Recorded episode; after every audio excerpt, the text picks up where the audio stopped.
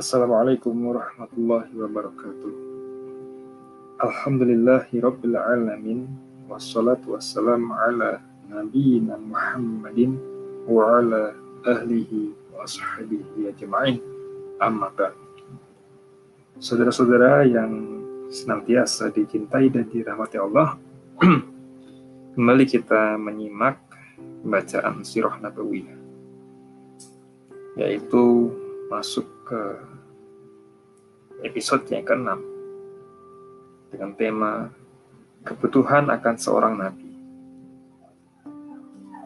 Abdul Muthalib tidak menyembah Hubal. Ia selalu menyembah Tuhan, Allah. Meskipun demikian, berhala Moabit telah berdiri di rumah Allah selama beberapa generasi. Bagi kaum Quraisy, ia dianggap sebagai personifikasi barokah, berkah, suatu kekuatan spiritual yang melingkupi semua bagian rumah suci. Ada beberapa rumah suci lainnya lebih yang lebih kecil di sekitar Arab. Di antaranya yang paling penting yang terletak di Hijaz adalah Uil tiga, putri Tuhan. Demikian para penyembahnya menyebutnya yaitu Al-Lat, Al-Uzzah, dan Al-Manat. Sejak tahun-tahun awalnya, seperti penduduk Arab di Yathrib, Abdul Muthalib memuja kue Al-Manat yang terletak di Udaib, Laut Merah, hampir tepat di sebelah barat daerah Oasis. Yang lebih penting bagi suku Quraisy adalah kuil Al-Uzzah yang terletak di lembah Nakhlah Sehari perjalanan unta ke arah selatan Mekah. Se sehari lagi perjalanan pada jarak dan arah yang sama akan mengantarkan orang ke Taif. Sebuah kota yang sangat subur dihuni oleh suku Sakif, keturunan salah satu suku besar di Arab, Hawazin. Alat adalah Dewi Taif dan patungnya ditempatkan di sebuah kuil mewah sebagai penjaga kuil itu, Sakif menganggap mereka sebagai rekanan kaum Quraisy. Kaum Quraisy pun selalu menyebut dua kota untuk merujuk Mekah dan Taif. Namun, meskipun Taif sangat subur dan sangat sejuk, karena itu disebut dengan Taman Hijaz, bukan berarti masyarakatnya tidak iri dengan lembah gersang di utara mereka. Sebab mereka sadar bahwa kuil mereka betapapun mereka mempromosikannya, tidak dapat menandingi rumah Tuhan atau Ka'bah. Bukan pula mereka sama sekali tidak mengharapkan pertukaran tempat, karena mereka juga keturunan Ismail dan memiliki akar-akarnya di Mekah. Sentimen-sentimen itu pun bercampur dan kadangkala meletupkan konflik. Sementara suku Quraisy tak pernah merasa iri terhadap siapa pun mereka sadar bahwa mereka berada di pusat dunia dan di tengah-tengah mereka terdapat sebuah magnet yang menarik para jamaah haji dari seluruh penjuru. Hal itu menyebabkan mereka tak pernah berpikir untuk merusak hubungan baik dengan siapa pun, baik di antara mereka sendiri maupun dengan suku-suku yang lain. Jabatan Abdul Muthalib sebagai tuan rumah jamaah haji yang datang ke Ka'bah menumbuhkan kesadaran dalam dirinya tentang hal-hal demikian Fungsinya adalah sebagai pemersatu semua suku, dan pada tingkat tertentu, fungsi itu juga dipikul oleh seluruh orang Quraisy. Para jamaah harus dibuat merasa bahwa Mekah adalah rumah mereka, dan menyambut mereka berarti menghormati apa yang mereka sembah, termasuk berhala-berhala yang mereka bawa. Justifikasi dan otoritas untuk menerima berhala-berhala itu dan percaya terhadap keajaibannya adalah bagian dari tradisi. Para leluhur mereka juga melakukan hal yang sama. Namun, bagi Abdul Muthalib sendiri, Allah adalah realitas tertinggi, dan ia tak ragu lagi lebih dekat ke agama Ibrahim ketimbang ke kepercayaan kaum Quraisy, Khuza'ah, dan Hawazin, serta suku-suku Arab yang lain pada masanya. Namun, ada dan memang selalu ada sejumlah orang yang menegakkan agama Ibrahim secara murni. Mereka lah yang menyadari bahwa itu jauh dari sikap tradisional. Penyembahan berhala adalah suatu bid'ah atau inovasi ciptaan manusia, suatu bahaya yang harus dijaga dan dilawan. Bila menurut atau merunut sejarah yang lebih panjang, Hobal tidak lebih baik daripada anak sapi emas Bani Israel. Para kaum Hanif, begitu mereka menyebut diri mereka, merasa tak bisa berbuat apa-apa berkaitan dengan berhala-berhala yang kehadirannya di Mekah mereka anggap sebagai suatu kotoran dan polusi.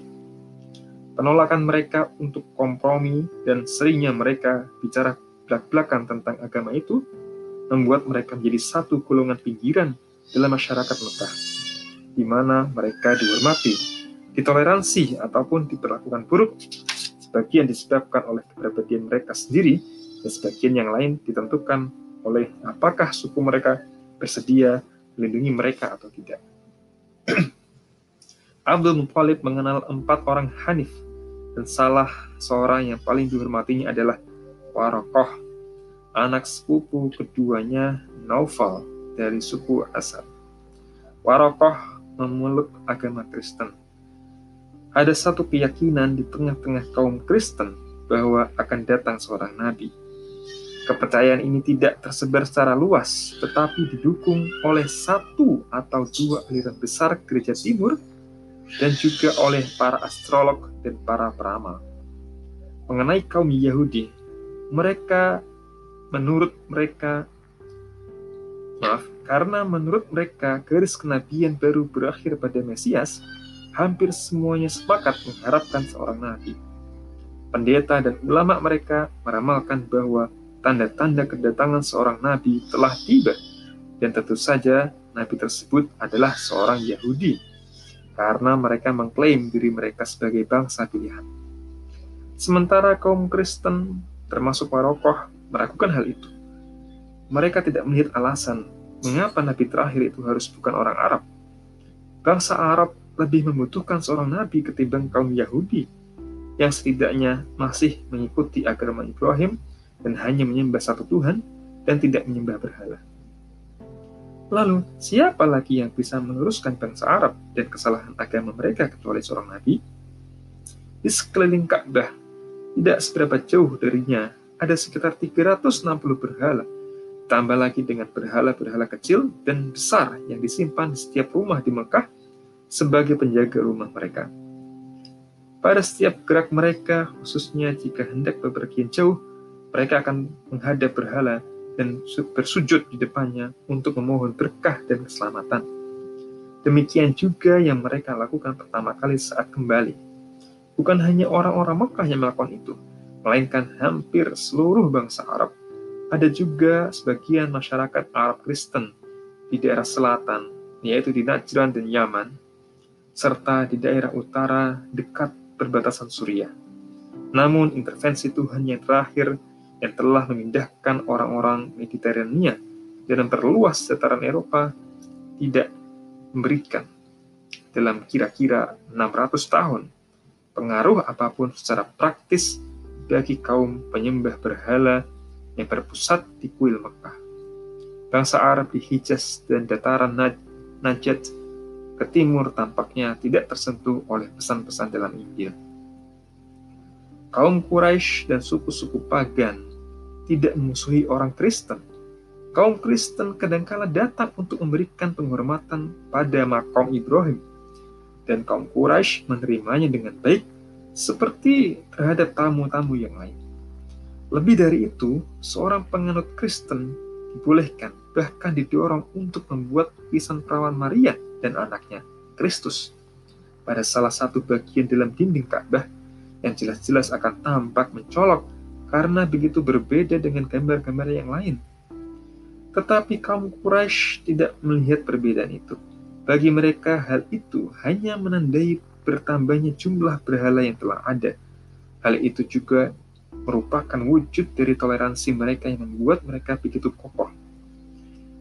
Tak seperti sebagian besar orang sukunya, Warokoh dapat membaca dan telah mempelajari Injil dan teologi karena itu ia mampu melihat bahwa dalam suatu janji Kristus yang umumnya oleh umat Kristen dianggap merujuk ke mukjizat Pentekosta, tidak ada satu elemen pun yang tidak cocok dengan mukjizat itu dan mesti dirujukkan ke sesuatu yang lain, sesuatu yang belum terpenuhi. Bahasanya kurang jelas, kriptik, tapi tersirat dalam kalimat. Ia tak akan berkata tentang dirinya, namun segala yang dapat ia dengar, itulah yang akan ia katakan.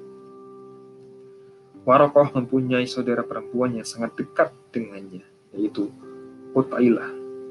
Warokoh sering membicarakan berbagai hal dengannya. Kata-kata Warokoh sangat membekas dalam batinnya, bahwa akan datang seorang nabi Akankah ia datang di tengah-tengah mereka? Pada saat pengor pengorbanan unta bagi Abdullah telah dilakukan dan diterima, Abdul Muthalib berpikir untuk mencarikan istri bagi putra kesayangannya itu. Setelah menimbang-nimbang, pilihannya jatuh kepada Aminah, putra Wahab, cucu Zuhroh, saudara Kushai. Wahab adalah pemimpin Bani Zuhroh, namun telah meninggal beberapa tahun silam ini Aminah diasuh oleh pamannya, Wuhaib, yang meneruskan jabatannya sebagai pemimpin kabilah. Wuhaib sendiri memiliki seorang anak perempuan yang telah mencapai usia menikah, bernama Halah. Abdul Muthalib melamar Aminah untuk dinikahkan dengan putranya, dan Halah untuk dinikahinya sendiri.